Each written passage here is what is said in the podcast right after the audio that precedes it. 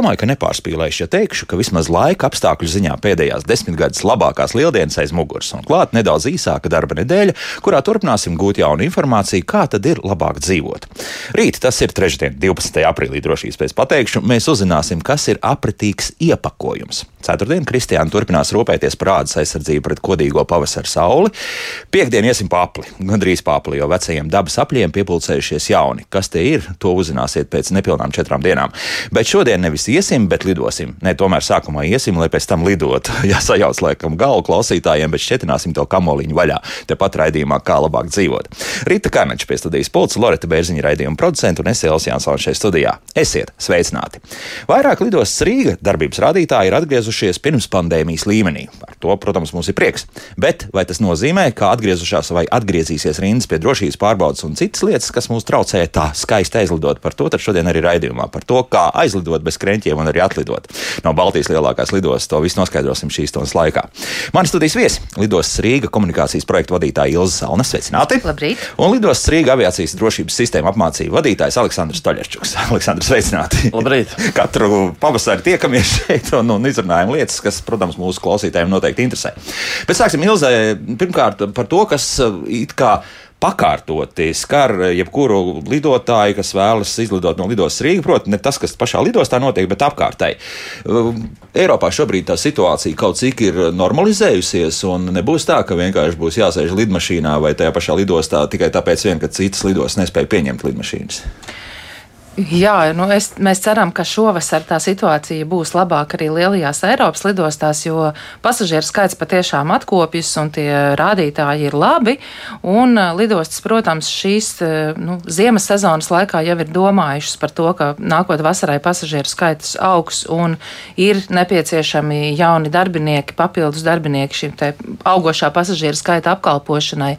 Kā zināms, aviācijā drošība ir pirmajā vietā un, protams, ka šie darbinieki jaunie ir jāapmāca, un tās ir specifiskas apmācības, kas nenotiek ļoti ātri. Bet, protams, ka mēs ceram, ka arī visā Eiropā šī situācija būs noregulēta un šī vasara nebūs tik traka, kā bija pagājušā lielajās Eiropas lidostās. Kad vienkārši trūka darbinieku. Jā? jā, bija ļoti daudz pēc pandēmijas. Pandēmijas laikā atlaisti darbinieki un nebija paspējuši lidostas pieņemt tos atpakaļ. Mm -hmm, tad cerams, ka būs vieglāk. tā, tā mēs ceram. Viss būs labi, to, to mēs, protams, nevaram apgalvot. Jā. Kā mums pašā lidostā pietiek? Te arī varbūt Aleksandram kāds jautājums pietiek. Būs, būs cilvēku, būs šobrīd, jā, protams, līdzīgi kā Elza jau teica, arī mēs ļoti aktīvi pieņemam darbā un apmācam jaunos kolēģus. Un šobrīd izstāsta ļoti cerīgi, jo štāts pildās, sezona arī, jau, kā Ilsa teica, ir atsākusies, pasažieru skaits ir liels, protams, ir parādījušās arī rindas nelielas. Bet taču, nelielas, taču es pieļauju, ka būs viss labi. Jo, no. Covid tomēr ir beidzies un ir jāatsāk. Nu, Parasti tur ir Jā, un, un, un lidostas, lidostas mājaslapā arī var redzēt, kaut kādas vakances mums ir, un tāpat tā, tā pašā aviācijas drošībā ik pa laikam meklējam jaunus darbiniekus, arī tie tiek apmācīti, un es domāju, ka tiešām viss būs kārtībā šo sezonu. Mm -hmm. Tā, kas notiek pie pašas lidostas? Protams, ka Real Baltica projekts nekur nav pazudis, darbi turpinās. Kā tas ietekmē, vai tas ceļš, kas brauc, kur var piebraukt pie lidostas, kaut kā mainās? Mainās, vai šobrīd tas tāds stacionārs un tā kā braucam, tā arī braucam? Nu, tā kā šobrīd braucam, tā arī braucam. Mēs aicinām pasaž eh, pasažierus, kas ierodas lidostā ar savu automašīnu, protams, sekot ceļzīmēm, jo šīs izmaiņas var notikt arī nu, samērā īsā laikā. Cenšamies gan mēs, gan Real Baltica stacijas būvnieki regulāri informēt pasažierus par kādām lielākām izmaiņām. Protams, šis ceļš uz lidostu tagad neizskatās tā, kā mēs to bijām ilgus gadus pieraduši, bet uh, man vienmēr gribas uzsvērt, ka nu, paciešamies mazliet, un tad tas skats būs pavisam cits un daudz, daudz jaukāks un, un daudz pasažieriem ērtāks. Mm -hmm. Tā, priecīga vēsts, ja nemaldos, ir tāda, ka arī ar 22. autobusu šis tas labāks palicis. Tā ir taisnība. Jā, paldies Rīgas satiksmē un Rīgas domai, kas pieņēma lēmumu pirms nu, jau pāris mēnešiem nedaudz palielināt reisu skaitu 22. autobusam gan agri no rīta, gan vēlajās vakarstundās, kad ir vēlie ielidojošie reisi. Kā paldies, situācija ir nedaudz uzlabojusies. Mm, tā, ja ir iespēja, tad drīzāk labāk braukt ar autobusu līdz lidostai, nevis mēģināt tur ar mašīnu manevrēt vai kā citādi. Jā, ir jāņem arī vērā, ka šo pašu Rail Baltica būvdarbu dēļ mūsu autostāvvietu skaits ir nedaudz samazinājies. Līdz ar to, ja, ja jūs plānojat braukt uz lidostu ar savu automašīnu, tad ir vērts jau saulēcīgi rezervēt stāvvietu ilgtermiņa stāvvietā, vai, ja iespējams, protams, braukt ar, ar, ar sabiedrisko transportu. To var izdarīt ātrāk, respektīvi rezervēt šo jā, stāvvietu. Ja? Jā, uh, lidostas e-veikalā var, var saulēcīgi jau iepriekš rezervēt stāvvietu, tas arī izmaksās lētāk nekā uz vietas mm. maksāt. Mm. Tā, tā ir tāda viena, viena laba lieta, ko esam ieviesuši pasažieru ērtībai, un nu, jau ļoti lielu daļu šo ilgtermiņa stāvvietu pasažieri arī rezervē saulēcīgi. Jau ir iemanījušies Jā. tie, kas to dara regulāri. Klausītāji jau reaģē par algām, jautā tad algas ar jautājumu zīmi, vai tās ir konkurētspējīgas, respektīvi pie tām brīvajām vakancēm, kā tur ir. Lidostas atalgojuma politika tiek regulāri salāgot ar situāciju tirgū, un mēs sekojam līdz šīm izmaiņām. Kā, Protams. Jo, ja nemaldos, jūs tur bijāt arī pretendenti un pat dabūjāt kaut kādas balvas par labāko darba devēju. Nu, mēs tāds, esam viens jā. no iekārojamākajiem darba devējiem, un tas, kas mūs īpaši priecē, ka mēs, ja agrāk bijām iekārojams darba devējs, tāds, nu, teiksim, darba tirgū jau esošās vidējās paaudzes acīs, tad Pēdējā pētījumā, kas tika veikts, mēs esam iekārojama darba vieta arī jauniešiem un studentiem. Un tas, protams, ļoti priecē sevišķi vasaras sezonā. Ja, Nepārprotam, jā, un noteikti, ka šovasar arī piedalīsimies, piedāvāsim skolēniem darba vietas nodarbinā, vasaras nodarbinātības ietvaros, un tas arī vienmēr ir ļoti pieprasīts pasākums. Tā kā ceram arī uz jaunajiem palīgiem vasarā. Jā, katrā gadījumā ne tā sliktākā darba vieta. Noteikti jā, daudz, daudz interesantas lietas var ieraudzīt un arī apskatīt. Bet, uh, Valdemārs, mums runājot tieši par, par uh, to, kā piebraukt pie um, ar lidostas, viņš jautā šādi: varat paskaidrot īsi, kāpēc riteņa skrējēji nodošana glabātavā maksā 5 eiro, bet auto 4,99 eiro dienā. Cik naudas tiek tā zaudēts? Ja ir auto novietots stāvvietā, piemēram, uz 10 dienām 50 eiro, bet tehniski iemeslu dēļ avio kompānija atceļ lidojumu vai naudu par stāvvietu ir vējā, vai lidos, tad šo naudu, ja noteikumos nekas nav skaidrs. Labi, nu sāksim ar to pirmo. Ja? Tad, kas skrejtens izmaksā dārgāk nekā automašīna? Uh tā uzreiz atbildēt nevarēšu izskaidrot, bet uh, visa, visa mūsu komerc pakalpojumu, komerc pakalpojumu cenu politika arī tiek regulāri pārskatīta un pārdomāta, jāsako līdzi informācijai. Mm -hmm. Tātad, bet uh, katrā gadījumā nu, šobrīd ar skrējēju braukt No ar skrējēju ir jāpārdomā, vai ir vērts braukt uz lidostu arī tīri drošības apsvērumu dēļ, tieši ceļu satiksmes drošības dēļ. Nu, jā, tās tomēr ir šoseis priekšā. Tieši tā. Jā, jā. Bet, uh, citu, nu, jā, bet es gribu tagad ņemt to skrējēju tālāk līdz, līdz Aleksandrs. Kas tagad būs? Kas ir jāievēro? Kur to drīkst likt? Ar skrējēju, jā. ja tas ir bez baterijas darbināmais. Tāda gan šobrīd ir maz palicis. Ar, ar, ar kāju, respektīvi, ar kāju, minies, jā. Jā. Minamais. Ar to problēmām būt nevajadzētu, jo lielajā, ja nodotamajā bagāžā salokam Atkarībā, protams, no avio kompānijas svara ierobežojuma sūtām kā lielo bagāžu. Ar bateriju darbināmiem diezgan lieli ierobežojumi, un šobrīd, ja baterija ir klāta, baterija ir iebūvēta un tāda, ko nevar noņemt no viņa, tad šobrīd iespēja vest viņu kā bagāžu nav. Mm -hmm. Tad jāņem it kā rokas bagāžu. Ir jāņem jā. tas, ko es iesaku, ja kāds ir izdomājis lidot ar savu skrējēju, tad skrējējam ir jābūt obligāti tādam, kuram ir iespējams nu, atvienot bateriju. Aha. Tad šo procesu var sakārtot. Ja baterija nav atvienojama, tad, diemžēl, skrējritenis šobrīd elektriskais nav paņemams līdzi. Vispār nekādi? Nē. Ne, kā bagāžas. Tas ir tās baterijas, jā, faktiski. Jā. Tā, bet uzsvēršu vēlreiz, tie, kuriem baterijas ir iebūvētas. Ja jā. kādam jau ir tāds modelis, kur bateriju var atvienot, tad tur, protams, ir jāsako līdz katras avio kompānijas individuāliem ierobežojumiem, bet tad jau parādās iespējamība viņu paņemt līdzi. Aha. Nu, tad, tad, tad mēs atkal uzreiz sākam par tām baterijām. ja jau tad ejam, tad ejam. Ko, vēlreiz atkārtosim visu, ko mēs pirms gada teicām, un vēl varbūt kaut ko pieliksim klāt. Tā tad. Jā. Uh, Šī jautājumā par baterijām liela izmaiņa nav. Vēl joprojām, jebkura baterija, kas ir atvienota no ierīces, tātad vai tā būtu maziņa pirksteņa baterija, kuras liekam pultīs, vai kāda rezerves mobilā telefona baterija, vai datora baterija, vai tā pati pārnēsājumā enerģijas banka, ja powerbanka, ko mēs dzīvē saucam. Tātad, jebkura maza izmēra baterija, un ar mazu izmēru mēs domājam bateriju līdz 100 Wh jaudai, ir atļauta pārdāšanai tikai rokas bagāžā. Ja šādas baterijas tiek nodotas reģistrētajā bagāžā, viņas netiks akceptētas, viņas tiks ņemtas ārā. Līdz ar to baterijas, kas ir atvienotas no ierīces, tā skaitā powerbankas, tikai rokas somā. Tas būtu pirmais. Vēl vienreiz uzsveršu, lielajā bagāžā, ko jūs nododat pie reģistrācijas, tajā somā atsevišķas baterijas būt nedrīkst. Neviena, pat maziņa. Un, ja jūs vadat elektroierīces, tur jau sāksim Šobrīd, protams, elektroīrīču mums ir daudz, sākot ar elektroniskām cigaretēm, beidzot ar portatīvajiem datoriem, telefoniem un uh, rotaļlietām vispārējo. Tad uh, ar uh, elektroīrīcēm maisaimniecības arī izmaiņu nav. Vēl joprojām varam vest viņas līdzi. Tas, kas ir jāatcerās, atkal jauda, elektroierīces jauda nedrīkstētu pārsniegt 100 Wh. Ja jums ir kāda jaudīgāka elektroierīce, kas mūsdienās arī nu, jau nav retums, parādās arī portatīvie datori un citas ierīces, kur jauda pārsniedz 100 Wh tad pirms lidošanas obligāti pārliecinieties, ka jūsu aviokompānija izvēlētā akceptē šāda veida elektroierīces. Jo šeit var būt atšķirības. Arī mums lidostā Rīga ir bijusi pieredze, kad pasažieris atlido ar vienu aviokompāniju līdz Rīgai un viss ir kārtībā. Un izlidojot no Rīgas ir biļete pirkt caur citu aviokompāniju, un noteikumi atšķirās, un šīs lielas jaudas elektroierīces nav akceptējamas. Jā, bet tas ir tās, kuras ir tad, arī rokas pagājušā nolikts. Ja? Nu, pieņemsim, man ir kaut kāds jaudīgs portatīvais dators. Jā. Uh, negribu dalīt bagāžu, jo ar elektroierīcēm ir vēl smalkāks dalījums kā ar baterijām, jo elektroierīces pēc būtības ir atļauts vest gan lielajā nododamajā bagāžā, gan rokas somā. Tad šeit jau jāņem vērā vēl ir cits nianses, vai šo elektroierīci ir iespējams izslēgt tā, lai viņi nejauši neieslēgtos, vai šī elektroierīce nevar netīšām ieslēgties un sākt karst.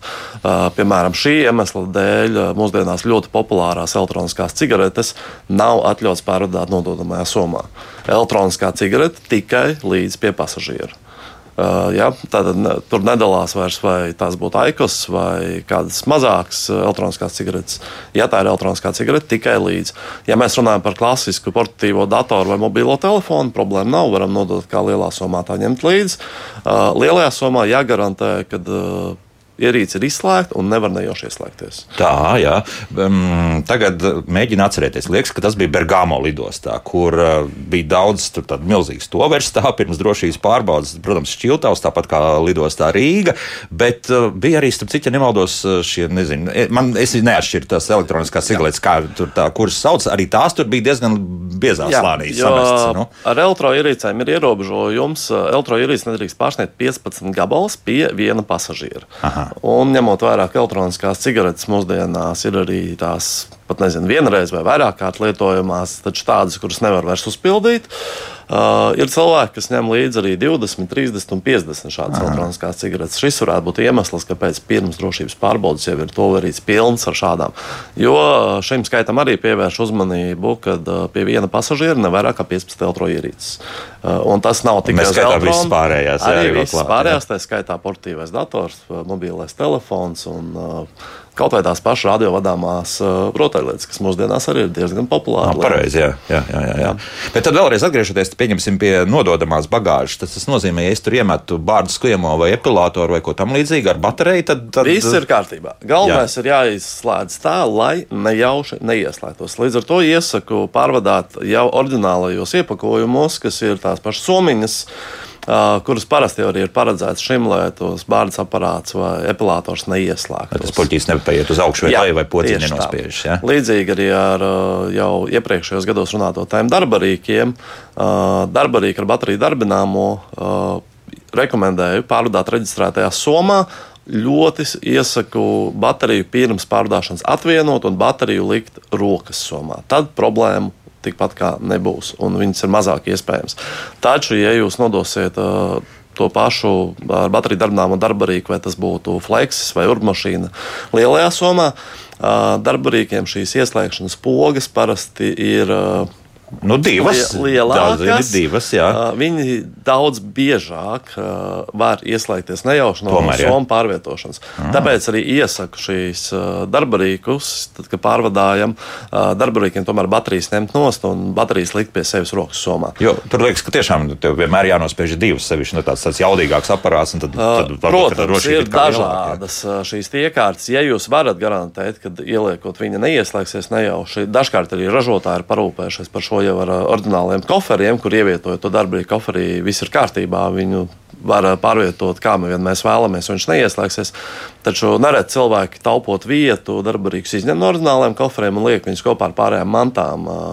Un līdz ar to to koferu pārvietojot, tas nereti tās pogas saspiežās un viņi sāk tur darboties. Aha. Tā, tagad ar, vēl ar matemātiku drusku nodarbosimies. Ja pieņemsim, man tur vairākas tās iekārtas, ierīces, kas ir darbinātas ar akumulātoru vai baterijām, attiecīgi, nu, tur ir četri pirkstiņi vienā iekšā, četri pirkstiņi otrā.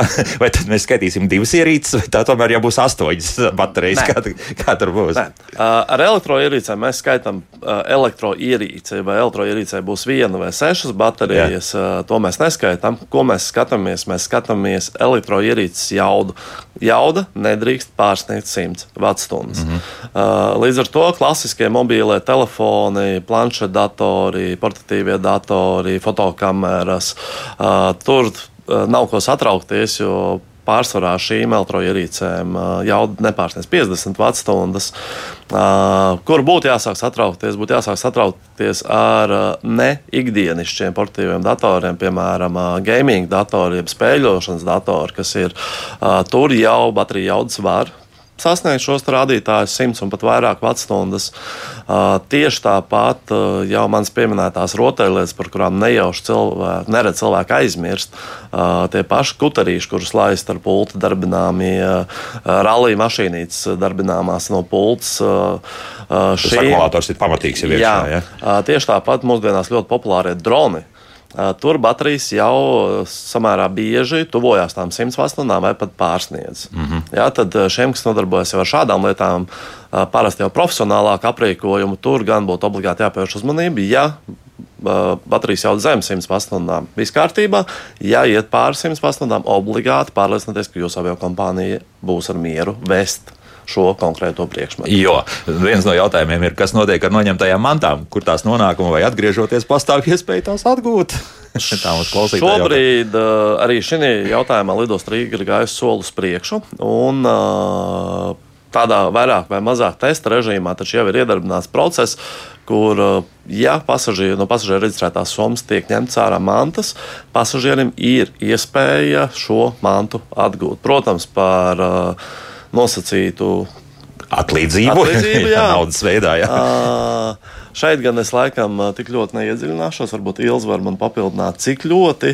Jo es zinu tikai to, ka ir iedarbināts šis process, ka cilvēkam mm. ir šobrīd šī iespēja atgūt savus priekšmetus, kas ir. Uh, Izņemt no lielās reģistrētās bagāžas. Jā, jā, tieši tā. Ja no bagāžas tiek izņemts kāds priekšmets, tad bagāžā tiek ievietots šis akts par, par to, ka tas ir noticis, un pasažieris aizlidoja savā galamērķī, un pēc tam atgriežoties Rīgā, uh, sazinoties ar lidostas, lidostas bagāžas glabātāvu, uh, var šo lietu saņemt atpakaļ par uh, maksu. Uh, un, un, un šīs lietas tiek 30 dienas glabātas. Jā, uh, ja, ja es nepiesakos, tad uh, nekā. Tad jā, pēc tad 30 dienām šī lieta tiek utilizēta. Jā, bet uh, esam jau. Uh, šo un to pasažieriem šādā veidā atdevuši atpakaļ lietas. Jā. Un, Tas ir tiešām jā, šī, šī lieta strādā. Jā, mm -hmm. Savukārt, jā, savukārt rokas bagāžas, tur, kur tas tika izņemts, nu, tā, tā visi tie sīkumi un tādas lietas. Rokas bagāžu, ja cilvēks uh, ir ieradies laicīgi un ir kāds pavadītājs, uh, cilvēkam pašam ir iespēja atgriezties līdz savam pavadītājam, atdot to lietu, ja kaut kas nav atļauts. Nu, ziņā, novietot, piemēram, savā automašīnā, ja tā ir ir stāvēt vēlreiz rindā. Ja? var aizdoties uz to pašu bagāžu glabātuvu un novietot to priekšmetu bagāžu glabātuvē. Līdz ar to ar rokas bagāžu cilvēkam šo opciju jau bija diezgan daudz, ko cilvēks var izdarīt. Bet tā jūs tur neķēpāsieties tajā brīdī ar, ar kaut kādas. Jo, jo, joprojām tas ir pārsteidzoši. Nu, tās, tās lielās smaržu nu, teiksim, pudelītes. Ja, Turpat tiek, tiek mests ārā. Es nezinu, nu, cik jau gadi, 20 jau pagājuši. No, redzot, tas, tas ir tas iemesls, kāpēc jā. mēs arī katru gadu esam priecīgi, ka jūs, jūs esat gatavi mūs ņemt pretī un ka mums ir iespēja arī šādā veidā ar pasažieriem sarunāties. Jā. Jo nu, tas ko, tas, ko mēs redzam, tie jautājumi atkārtojas un atkārtojas vieni un tie paši, kā jūs arī sakāt, jau, jau gadiem. Un uh, ir svarīgi, es varbūt gribētu šajā diskusijā m, teikt, ka nelietosim vārdus satraukties, mm -hmm. bet lietosim vārdu sagatavoties. Un tas ir tas, eh, ko mēs, mēs arī šo pavasaru paši gribam īpaši pievērst uzmanību, gaidot jauno vasaras sezonu, tā teikt, pasažieru pieplūdumu, eh, aicināt pasažierus vienkārši pirms sava lidojuma sagatavoties, būt lidojumam gataviem un eh, uzzināt visu par bagāžu, vai nu šodien klausoties šeit, ko Aleksandrs var izstāstīt, gan lidostas mājaslapā, gan sazinoties ar savu avio kompāniju, ja rodas kādi jautājumi un neskaidrības, lai tad, kad jūs ierodaties lidostā un dodaties uz drošības pārbaudi, pārbaudi, jūs zinātu, kas jūs sagaida, un jūs zinātu, ko jūs drīkstat un nedrīkstat. Tas palīdzēs vienkārši izvairīties no dažādiem pārpratumiem. Un nākamais aspekts, tad arī, kā Aleksandrs minēja, ierodamies lidostā laikus, un mums būs laiks ja nu pēkšņi kaut kas ir palicis rokas bagāžā, ko mēs nekādā gadījumā negribam zaudēt, tad ir jau minētās, minētās iespējas šo lietu saglabāt un, un, un, un, un uh, respektīvi Runa ir par to, cik gatavi mēs esam, kad mēs ierodamies lidostā. Jo runājot par to pašu nododamo bagāžu, tagad iedomājos, tagad tiek uh, drošības kontrole šīs čemodānas iet cauri. Jūs konstatējat, ka tur ir kaut kas tāds, ko nedrīkst tātad uh, lidmašīnā dabūt iekšā. Tātad jūs raujat vaļā. Pieņemsim, kāds vēl tur ir ietinst visu tajā plasmasā, aizslēdzis ciet. To jūs visu raujat vaļā. Ja? Nu, citādi jau nevar. vaļā. Nu, labi, jā, jā, jā, taisāt vaļā. Uh, Nu, nu, jā, paties, patiesībā tāpat nepatīkami. Pat ja tu zināsi, ka šī manta pēc tam nu, par, par atlīdzību tev tiks atdot atpakaļ. Jā, jā bet arī reģistrācijas aģents, tad, kad cilvēks nodod savu reģistrējumu bagāžu, Viņam uzdod jautājumu. Pirmkārt, pie reģistrācijas galdiņiem ir e, vizuālā informācija par to, kas nedrīkst atrasties nododamajā bagāžā. Arī reģistrācijas aģents pasažierim pārjautā, vai jums tur nav lietas, kas nedrīkst tur būt. Un uh, cilvēkam galu galā ir, ir pienākums arī pašam šīs lietas uh, zināt, uh, ko viņš ved līdzi, un saulēcīgi uzzināt, kādi noteikumi ir ko drīkstam, ko nedrīkstam. Uh mhm. -huh. Tas patiešām palīdzēs mazināt visus iespējamos stresus un zaudēt iespējams kādas vērtīgas lietas. Bet, kā jau mēs minējām, tad šobrīd arī to, kas tiek izņemts no reģistrētās bagāžas, ir iespējams atgūt. Tā, mēs runājam par tām baterijām. Tas ir būtiskākais klupšanas akmens, vai, vai ir kādi citi, kas, kas vēl vairāk traucē un, un tiek arī izņemti ārā no, gan no rokas, gan no nododamās bagāžas? Ar baterijām ir tā, ka baterijas ir tas uh, lielais apjoms laikam laikam, ar ko mēs sastopamies. Gan mēs, kā lidostas personāls, gan uh, pasažieri, kā ceļotāji pie mums, jo baterijas ir pie mums visiem. Baterijas vienmēr būs katram līdzi. Uh, līdz ar to es šo vienmēr uzsveru, jo nereti ikdienā mēs esam pieraduši, ka tā enerģijas banka, powerbanka vienmēr ir līdzi un viss ir forši un viss ir jauki. Un tad brīdī, kad mēs ierodamies lidostā, izrādās, ka jauda viņai ir 111 Wh. Kaut gan ikdienā šķiet, ka tāda maza jau vien ir ikdienišķa. Uh, mums lidostā līdz ar to šī šīs jau 98 vai 111 ir ļoti liela starpība. Jo līdz 100, 108, kā jau teicu, viss kārtībā. Šādas mēs akceptējam. Ir gan skaita ierobežojums baterijām. Baterijas nedrīkst pārsniegt 20 gabalus rokas bagāžā pie pasažiera. Uh, Taču, ja tā baterijas jau pārsniedz 100 Wh, tad klāt vēl nāk katrs individuāls avio kompānijas noteikumi, kur jau bez šī lēmuma, ko varētu pieņemt mēs, vēl piesaistās arī avio kompānija. No, jā. Un, līdz ar to tas jautājums var būt sarežģītāks. Protams, ir arī citi priekšmeti, tie paši asie spīcie priekšmeti, nazīši, silti iesaku vai atgādinu padomājiet divreiz, vai jums tiešām vajag šos asos spīcos priekšmetus ceļojumā līdzi. Jo nereti cilvēki ir diezgan sabēd, sabēdājušies, jo ir jāšķirās no kāda saliekamā naža, kurš ir mantots no vecstāva vai vēl kaut kā, un viņš izrādās, ka ir pa garu. Jeb pārsniedz 6 cm.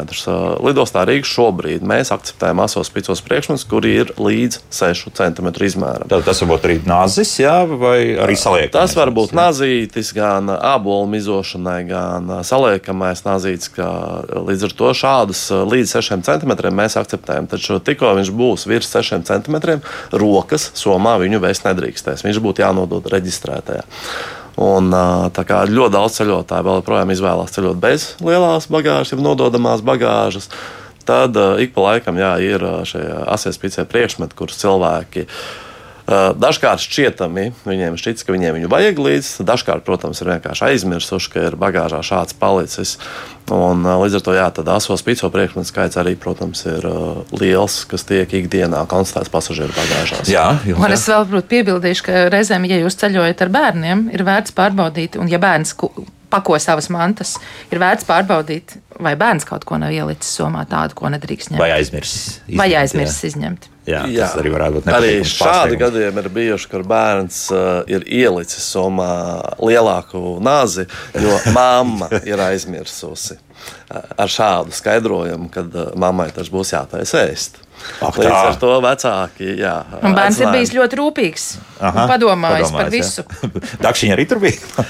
Ar dakšiņām problēma nav. Dakšiņas drīkst. Mm -hmm. Taču jā, ir šie bērni, kas mēģina arī vecākiem palīdzēt, asistēt, lai vecāki kaut ko neaizmirst. Tāpēc jā, rūpīgi paskatāmies. Arī sezona atjaunojās arī vasaras ceļotājiem. Bērnu rotaļu pistolītes arī, protams, pievēršam uzmanību mājās dzīvojam mēs kā gribam. Lidmašīnā šādas priekšmetus lai izņemt nevajag. Mm -hmm. Ar šķidrumiem, kas notiek, joprojām viss vecie noteikumi, tāpat kā ierasts.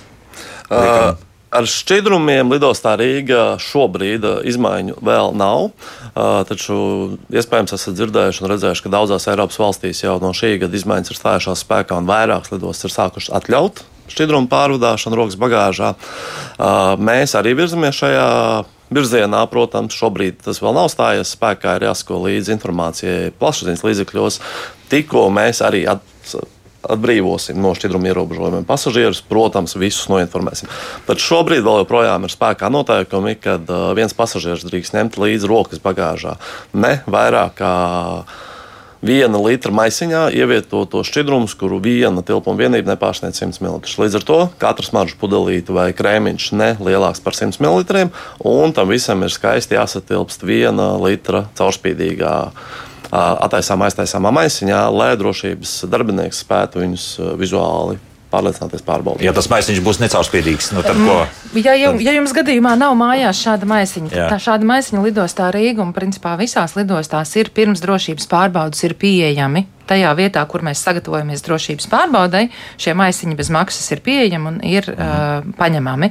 Savukārt, kas attiecās uz, uh, uz, uz to, ko Aleksandrs jau minēja par iespējām atbrīvot pasažierus no, no šī te pienākuma tikai vienu litru ierobežojumu um, šos te, šo te maisiņus, uh, tad jā, pašlaik uh, notiek iepirkums uh, mūsu jaunajai drošības pārbaudas sistēmai un varētu būt, ka jau uh, līdz šā gada beigās, nākamā gada sākumā patiešām šī šī situācija mainīsies, un mēs tiešām par to pasažierus informēsim. Tad, respektīvi, tā iekārta analizēs, jā, kas tas par šķīdumu iekšā tur ir. Jā, pavisam vienkārši runājot. Tā, eh, vēl viens jautājums par uh, papēžiem. Nu, kurā brīdī, cik tomēr jābūt tam papēdim mazam, lai, lai nevajadzētu vilkt tās, tās kurpes nost? Nu, teiksim tā, rēķināmies, rēķināmies ka teiksim, pasažieriem, kuri īpaši lido reti vai nelido ļoti bieži, šī dro, gaidāmā drošības pārbauda jau rada zināmu stresu. Protams. Tāpēc izdarām atkal visu, lai mēs esam maksimāli sagatavojušies un lai šo stresu samazinātu. Ja ir iespējams, ir īpaši vasaras, vasaras sezonā ceļojot, velkam apavus, kurus ir ļoti viegli novilkt velkam pludmales šķības, iešļūcenes, kuras var ērti novilkt, ielikt groziņā. Um, var gadīties, ka austrupēžu kurpes, kas pirmkārt nav vērts lidojumam, bet visticamāk, ka tās būs jānovelk un jāieliek groziņā drošības pārbaudē. Bet tagad, starp citu, es skatos arī jaunām dāmām.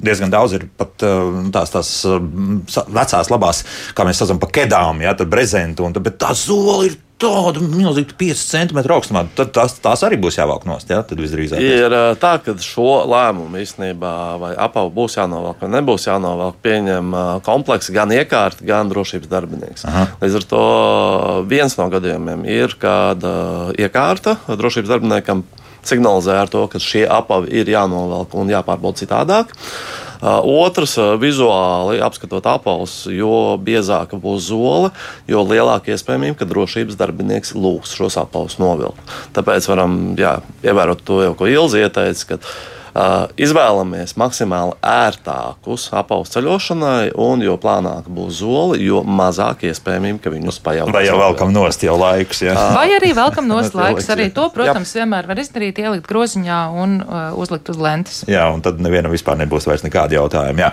Nu, mm, laiks muzikai, un mums klausītāji sasūtījuši daudz interesantus jautājumus, tā kā mums nākamā pusstunda aizies atbildot uz tiem. Es skatīšos arī, kas notiek ar klausītāju zvaniem. Visdrīzāk jau arī kāds mums piezvanīs. Bet tas pēc 3 minūtēm un 21 sekundes. Kā labāk dzīvot?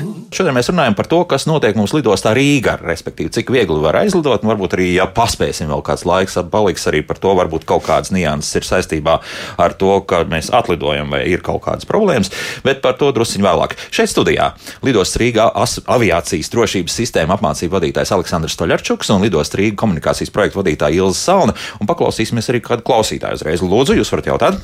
Labdien! Labdien! Es gribu pajautāt, kā ir ar cigaretēm, bet cigaretes drīkst ņemt līdzi un cik daudz var ņemt līdz paciņas. Nu, labi, paldies. Tāda klasiskās cigaretes. Jā, jā tad uh, no aviodrošības viedokļa cigaretes drīkst uh, vest. Uh, nav aizliegts pārvadāt pasažieru rokas vai reģistrētā bagāžā.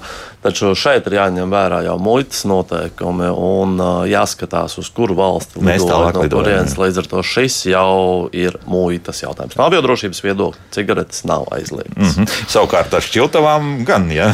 Šķiltavas gan, jā, izmaiņa nav vienas šķiltavas pie pasažiera, ne vairāk. Mm -hmm. Tā, bet, eh, kā izrādās, tad gadās diezgan daudz, kuriem neskaidrs ir tāds diezgan pamatīgi paņemts līdzi. Rūdīties smēķētāji noteikti sapratīs to, ka viena šķiltavas nav garantīta, tāpēc parasti jāmēģina veids divas, trīs, taču jāreicinās ar to, ka lidostā laidīs vienu. Mm -hmm. Un tur nav svarīgi, kāda tā šķiltavas ir, vai tur ir benzīna vecās, tur klasiskās, tur ir vienas šķiltavas, kuras mēs aizliedzam un neļaujam ienest, tās ir nenopūšamās, ja blue flame šķiltavas, viņas deg ar tādu kā turboliesmu. Mm -hmm. Šāda veida šķiltavas gan uh, pasažieru somās netiks pieļauts. Pasažieris nedrīkstēs šādas ņemt līdzi.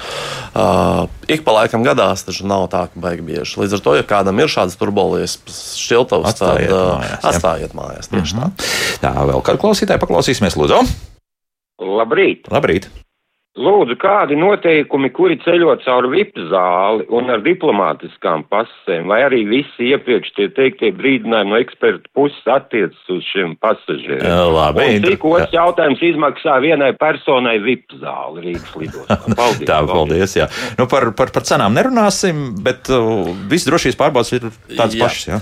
Ar drošības pārbaudēm uh, nav neatšķirās pasažieris vai izmanto VIP zāli vai klasisko kontrolpunktu vai fāstra kontrolpunktu kontrolu punktu. Visiem pasažieriem, kas lido vienā lidmašīnā, ir pilnīgi identiski aviodrošības noteikumi. Mm -hmm. Ja, tad vairāk neko mēs nepiebildīsim, jo par cenām to, to var noskaidrot. Ja ir Tieši tāda vēlme, ja, cik, Tieši cik tas tā. ir maksājums. Skaidrs, ka tas maksā un pieklājīgi. Ja. Nu, tas ir pakalpojums, jā. ko cilvēks. Dārgs pakalpojums ir. Tas ir pakalpojums, ko cilvēks var izmantot, protams. Mm -hmm. jā. Jā. Tā, tagad jautājums tāds - specializēta optika, kā papildus bagāžas salonā, tā mums jautā mūsu klausītājs. Vai tur kaut kādas ir eh, problēmas vai ierobežojumi vai kā citādi? Tātad, eh, līdzīgi kā ar cigaretēm, arī šeit eh, optika ierobežojuma no aviodrošības viedokļa nav. Optika ir atļauts pārvadāt. Cik saprotu, jautājums visdrīzāk ir par šīm papildu somām, somām, kurās ir tikai lēcas iekšā. Tad šeit līdzīgi jau kā ar baterijām, kuras ir jaudīgākas, ir jāvēršās konkrēti aviokompānijai un jāsaprot, vai viņi šo uzskatīs par papildus bagāžas vienību vai neuzskatīs. Atkal ļoti atkarīgs no aviokompānijas. Mm -hmm. nu, tie teleskopi pēkšņi mēģināšu ienest tas salonā. Jā, jā, varētu būt jautājumi. Jā. Bet bagāžā principā to var nodot. Nu, vienīgi pašiem jārūpējas par to, lai tā būtu. Protams, protams var gan nododamā bagāžā, var vest arī rokas bagāžā līdzi. Tikai jā, jāvēršas aviokompānijas lapās, vai par to somu būs jāmaksā kā par otru bagāžas vienību. Mm -hmm. Ko šobrīd nozīmē? laikus ierasties? Tā mums jautā arī. Jā, laikus ierasties lidostā nozīmē divas stundas pirms lidojuma. Tas ir tas optimālais laiks, lai paspētu gan visas reģistrācijas procedūras, drošības procedūras eh, iziet, jo mm, ir grūti prognozēt. Tīpaši, ja mēs lidojam, piemēram, pīķa stundā, kad ir daudz lidojumu, eh, var veidoties rindas pie reģistrācijas galdiņiem, var būt eh, rinda pie drošības pārbaudes. Un šīs divas stundas mums dod laiku mierīgi un bez stresa sagatavoties lidojumam. Ir jārēķinās, ka uh, tas laiks, kas ir norādīts biļetē kā izlidošanas laiks, uh, nav tas, kad, kad pasažieris iekāps lidmašīnā. Jā. Reģistrācija beidzas laicīgi pirms apmēram 40 minūtes pirms izlidošanas. Jā. Uh, iekāpšana gaisa kuģī apmēram 20 minūtes pirms izlidošanas vismaz. Līdz ar to uh, tas laiks, kas ir biļetē, uh, nav tas, kad, mēs, kad, kad, kad mums ir jābūt vai kad ir pēdējais brīdis. Ja?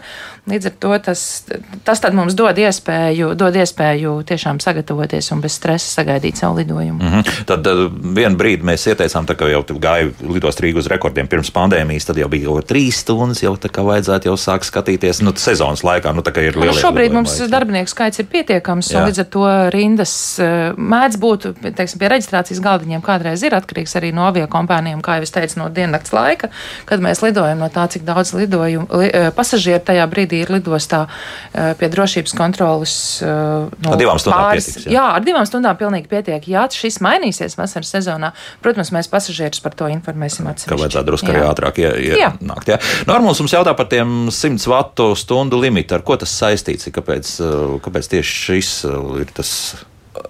Līmenis, kur, kur vēsturiski lielās organizācijas, kas globālā mērogā nosaka noteikumus un dažādu veidu likumdošanu avio drošībai un visai aviācijai, ir ierakstījuši šo 100 vecstundas, un mēs visā pasaulē viņus esam pieņēmuši šo normu. Līdz ar to šis šeit laikam atbild būs, ka šādi noteikumi ir globālā līmenī un visi pie tiem pieturās. Tur nav tā vienkārši, ka šo bateriju, jo tālāk arī tāds jautājums ir, nu tad, uh, kāpēc šādi ierobežojumi, tad uh, tāpēc, ka šādu bateriju jau ļoti grūti nodzēst, ir pieņemsim, jo tas būtiskākais laikam tāds. Pilnīgi bažas, ja? piekristu šai versijai, jo vienmēr šīs normas pieņemot tiek vērtēti visa veida riski, un uh, viens no riskiem, kāpēc baterijas ir ierobežots, ir tas, ka lidojuma laikā mainās spiediens, un pie šīs spiediena izmaiņas baterijas nereti sāk uzkart silti, jo notiek izsavienojumi iekšā baterijās. Pat ja tā nav pievienota nekam. Ja? Jā, Un, uh, līdz ar to tā, tas varētu būt viens no iemesliem, kāpēc ir 100 watstundas, jo 100 watsstundas vēl ir iespējams kaut kā ar viņām rēģēt. Uh, tās, kuras pārsniedz 100 wattstundas, tāpēc arī vairākas avio kompānijas neakceptē šādas, gan elektroīrijas, gan baterijas savās lidmašīnās, jo jau ir vajadzīgs specifisks aprīkojums, lai viņas apdzēstu. Mm -hmm. Un aviācija ir nozara, kas ļoti mācās no uh, dažādiem negadījumiem vai gandrīz notikušiem negadījumiem. Līdz ar to es pieņemu, ka tiešām šis ir praksē balstīts balstīts lēmums, kas ir, kas ir bijis un ko visi arī ievēro. Nu, tā visdrīzākais tur, Jā. tur loģika ir un, un uh, paskatieties vienkārši YouTube kaut ko nozīmē, ka tā litija baterija sāk degt. Nu, es negribētu atrasties tajā brīdī lidmašīnā, ja, ja kaut kas tāds notiek arī ar par, par parasto telefonu bateriju. Tā, Ričijs jautājums, interesants jautājums. Nevarēju iedomāties, ka kāds par to jautās, bet jautā par uh, skaidru naudu. Kā tur ir, ja mēs lidojam, pieņemsim, sāksim ar Eiropas Savienību. Jā, tad, tad Eiropas Savienības kāpjam lido, lidmašīnā iekšā kaut kādā miljonu vazājumu līdzi. Tieši tāpat kā ar cigaretēm, aizliegts nav pārvadāt skaidru naudu. Ar šiem jautājumiem obligāti vēršaties muitā pirms mm -hmm. lidot, jo Eiropas Savienība, ārpus Eiropas Savienības, citi kontinenti, vairāk transfēra pārsēšanās reizes. Šis viss var ietekmēt šo summu. Tāpēc jā, ar šo jautājumu lūgums vērsties muitā pirms nonākt lidostā Rīgā. O, jā, un Ilgi, jā. jā šī, šī sistēma, kādā veidā notiek visas iespējamās pārbaudas lidostā, ir ļoti sadalīta, vai teiksim, precīzi nodalīta par atbildības sfērām. Lidosta atbild par drošību, par pasažieru bagāžas drošību. Un uh, muita atbild par šīm lietām, ko mēs un precēm, ko mēs varam pārvadāt uh, no, no muitas viedokļa. Robežsardze atbild par nepieciešamajiem dokumentiem. Uh, avio kompānija par savām lietām, eh, par to, kas ir tie pasažieri, ko viņi pārvadā. Šīs atbildības ir nodalītas, un tas atkal ir vēl viens iemesls, kāpēc ir svarīgi pirms mēs dodamies ceļā noskaidrot visus jautājumus, eh, kas mums varētu būt svarīgi. Nu, tad vairāk būtu jāuztrauc par to, kā jūs tur aizlidosiet, vai tad tur nebūs kaut kādi jautājumi ja, par to, cik jau tā Jā, un, un, un tad ir gan eh, par, par dokumentiem nepieciešamajiem, tad, ieceļošanai kādā valstī. Tas ir noskaidrojums, piemēram, ārlietu ministrijā vai konkrētās eh, ieceļošanas valsts interneta resursos, tad par precēm, kuras mēs vedam, vai par skaidro naudu. Tas būs muitas jautājums un tam līdzīgi. Mm -hmm. nu, skaidrs, kā to cīnās. Bet skatāmies, skatāmies vienkārši atkarībā no tā, uz ko šis jautājums primāri attiecās.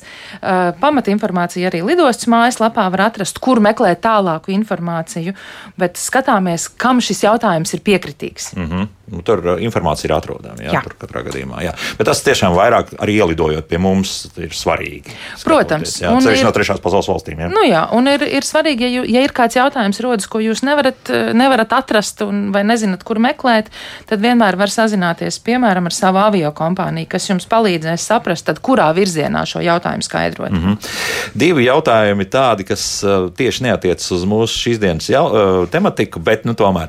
Pirmais ir tas, ka mūsu kāds radioklausītājs vai klausītāj, jā, klausītājs ir sašuts par to, ka lidmašīnas lidojot, nolaižoties virs meža parka un lūk, tojas dziesmu svētku, un ka tas noteikti traucēšot koncertu norisi, vai, vai tiešām lido pāri, bet kaut kam jau jālido pāri, un uh, šie maršruti, respektīvi nolaišanās maršruti, kur atrodas, uh, jūs tās maidāt, bet Nu, tas ir atkarīgs no, katras, no katra maršruta, ko uh, avio kompānija veids. No tā, uz Avio kurien kompānija tā- to veids, vai, vai to tomēr dispečeri nosaka, ka, Nē, kā, tu- kā tie nolaišanās Nu, šie notiek? te gaisa, gaisa koridori ir noteikti, pa kādiem lidmašīnas lido. Jā.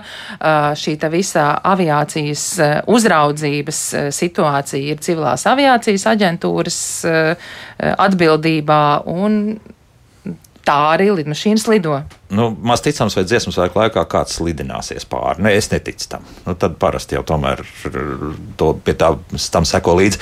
Un otrs ir par to, ka Rodrigo jautā, kas ir par iemesliem, kādēļ lidosta Rīga nespēja nodrošināt iekāpšanu visās lidmašīnās pa slēgto trapu. Tātad tas nav jūsu atbildība. Kā, kā Gaisa tilti, eh, dronā acīm redzot, ir par gaisa tiltiem, Jā. un tur tā atbilde ir pavisam vienkārša. Ne pie visiem, tas fiziski nav iespējams pie visiem iekāpšanas sektoriem pirmkārt nodrošināt gaisa tiltus. Otrām kārtām avio kompānija var izvēlēties, vai tā izmantos gaisa tiltu vai neizmantos. Uh, pasažieru apmaiņa, lidmašīna nosēžās, tiek izkrauta bagāža, pasažieri iekrauta, iekrauta jaunā bagāža, iekāp jaunie pasažieri. Šī pasažieru apmaiņa pa gaisa tiltu notiek ievērojami lēnāk. Ja? Mm. Tāpēc avio kompānijas, kurām ir svarīgi, lai lidmašīna ātri atkal varētu doties ceļā un pelnīt naudu, esot debesīs, ā, ļoti bieži neizvēlas izmantot gaisa tiltus. Ā, Gaisa tilti var tikt ā, tajā brīdī būt remontēti. Ā, Vēl viena lieta lidostai ir jānošķir Schengens un nešengens ceļotāji šīs te pasažieru plūsmas starp Schengens un nešengenas zonu. Līdz ar to tie iemesli, kāpēc nevienmēr var izmantot gaisa tiltus, ir ļoti dažādi, bet primārais ir tas, vai avio kompānija šo pakalpojumu izvēlas vai neizvēlas. Nu, tas ir primārais, bet tomēr pastāv vēl arī varianti, ka arī, Protams. pat, ja viņi vēlas šo tuneli dabūt, tad arī tad viņi var nedabūt. Tā, Viņi tā var- būt. Ja? Teorētiski jā, gaisa tilti ir tik, cik tie ir. Pašlaik mums šā gada laikā tiks piegādāti arī jauni gaisa tilti. Vecie ir savu laiku nokalpojuši, tiek demontēti un sagatavot vieta jauno gaisa tiltu uzstādīšanai. Un līdz šā gada beigām jau būs arī jauni gaisa tilti. Bet, kā jau teicu, nevienā pasaules lidostā nebūs tā, ka pie visiem iekāpšanas sektoriem, un mums tāda ir 38 lidostā Rīga, ka pie katra sektora būs arī gaisa tilts. Mm -hmm. Valds vēl jautā par Eiropas valstīm, kur ir nepieciešama pase, jo uz Lielbritāniju pateicoties saimē tagad visiem liek ņemt ID, ID kartes. Kopš kura brīža Lielbritānija noteikti kopš, ir pasa? kopš, Lielbritānija, Jā. kopš Lielbritānija ir izstājusies no Eiropas Savienības. Eiropas Savienības kopējais lēmums ir ceļošanai uz Lielbritāniju, un arī Lielbritānija to prasa. Ir derīga tikai, Tikai pase. pase, jā. Ar ID karti uz Lielbritāniju jūs neaizceļosiet, jūs neizlaidīs no lidostas. Mm. Mhm, Tātad eh, personas apliecība tas ir primāri tikai Eiropas Savienība. Ja? Tieši tā. Bet arī tur var būt nianses. Es Zinu, ka daži, eh, pieņemsim, ir, eh, kur tomēr prasa arī pasis, ja nemaldos, arī Eiropas Savienībā. Varbūt Jā, šis ir, šis ir jautājums, kas atkal ir jānoskaidro mm, konkrētajā galamērķa valstī, bet jūs varat vērsties arī savā avio kompānijā un jautāt, arī avio kompānija pārdodot biļetes parasti informē pasažierus, kāds dokuments ir nepieciešams. Ārlietu ministrija, konkrētās galamērķa valsts vēstniecība, tad iespējas šo informāciju uzzināt ir vairākas. Un ir arī situācijas, ka tu ar personas apliecinošu dokumentu vispār neizvelc ārā no kabatas, pieņemsim, vai no somas, tā ieeja arī lidmašīnā. Jā, iekšā, tā var būt. Atkal šis ir tas dalījums starp, starp lidostas un aviokompānijas pienākumiem. Jā. Mēs pārbaudām pasažieru drošību un bagāžas drošību, avio kompānija pārbauda, ko tā pārvedā. Schengens eh, zonas uh, ietvaros ceļojot, arī ja mēs ceļojam pa sauszemes robežu, tad uh, ceļošanas dokuments netiek, personas dokuments netiek prasīts pārbaudīt uz robežas. Līdz ar to arī avio kompānija, ja tā lido no Rīgas uz Schengen zonas valsti, var izvēlēties nepārbaudīt personas dokumentu. Mm -hmm. Ja atceros, uz Parīzi gan bija tā, ka es pat pājautu, tiešām bija jārāda, jā, jārāda, jo to prasot tā puse. Tā var būt. Jā. Tieši no, jā, tā var jā, būt. Jā, jā. Jā. Nu, tad bija vienalga, vai pasa vai ID karte nebija nekāds. Svarīgākais ir neaizmirst personu apliecinošu dokumentu pirms ierasties lidostā. Tas gan, jā, bez, bez tā nu labāk. Tas, ka nebārbauda, nenozīmē, ka, ka tam nav jābūt vajadzīgs. Jā, kaut, gan ir, kaut gan man ir izdevies aizlidot, atlidot arī bez, bez nerādot nevienā brīdī ne ID karti, ne pasi.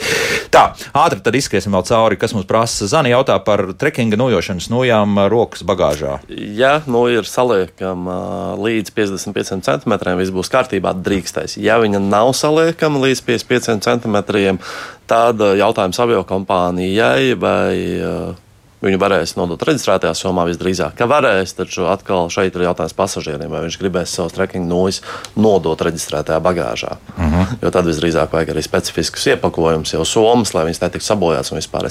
Rokas bagāžā līdz 55 centimetriem lidostā Rīga. Tas ir gan maziņas, jā, tad tā ir saliekamas. Ja ir nu, saliekamas, tad jā, ja nav, tad uh, var vērsties aviokompānijā, noskaidrot, kā ir ar pārvadāšanu reģistrētajā somā. Uh mhm. -huh. Tā, man jautājums, kāpēc ielidojot no trešajām valstīm, piemēram, Lielbritānijas, nepilngadīgie nevar iziet automātisko pasu kontroli. Tajā pašā laikā Lielbritānijā man nepilngadīgie varēja iziet, un arī Spānijā. Ko tas nozīmē automātiskā pasu kontrole? Tur kaut kāds skaners, kurā tu ieliec pasu un viss. Jā, šeit mēs atgriežamies pie šīs atbildības dalīšanas, un šī ir mūsu valsts robežsardze. Arī lidostā Rīgā mums ir e-vārti, tā saucamie, kur cilvēks pats veic to piekļuvas dokumentu pārbaudi. Un šeit, kāpēc pie mums ir šāds ierobežojums nepilngadīgiem, būtu jāvēršās valsts robežsardzē ar šo jautājumu. Mm -hmm. Cik gudri lidostā ir ar bagāžu skriet pāri stāvlaukumam uz auto pieturu, nevis izveidot iespēju iekāpt un iekāpt lidostā autobusā, respektīvi, ka augšā var ne tikai izkāpt, bet arī iekāpt autobusā? Tad, kad tiks uzbūvēts jaunais lidostas Rīga termināļa paplašinājums, tad šīs jautājums tiks atrisināts. Pagaidām ir mazliet jāpaciešās. Protams, ka šie būvdarbi arī šo situāciju ietekmē. Un, diemžēl, kā mums šobrīd ir arī, nu, arī pasažieru plūsmas ir jānodala, restīvi izlidojošie un atlidojošie pasažieri, lai būtu vieglāk šī pārvietošanās lidosti, lidostas konfigurācija ir tāda, kāda tā ir. Un, līdz ar to šobrīd sadzīvojam ar šo situāciju līdz brīdim, kad būs uzbūvēts jaunais terminālis. Tas būs labāk, jā. Un kad būs labāk, jā. Tad 2030. gadā. nu, mēs ceram, ka drusku ātrāk viss notiks. Motociklu ķiveri Bāžam galvā. Motociklis ķiver ir atļauts pārvadāt pulkspagāžu. Jā, un uh, par pasažieru svaru jāņem vērā, vai pieaugušais 55 kg vai 110 kg. Nu, tur, tur atkal tas ir avio kompānija jautājums, jā, es jā. saprotu. Jā. Nu, laikam beidzam šodien, jo vēl tur pāris jautājumu palika. Ļoti daudz, ap citu, interesējas par darbvietu.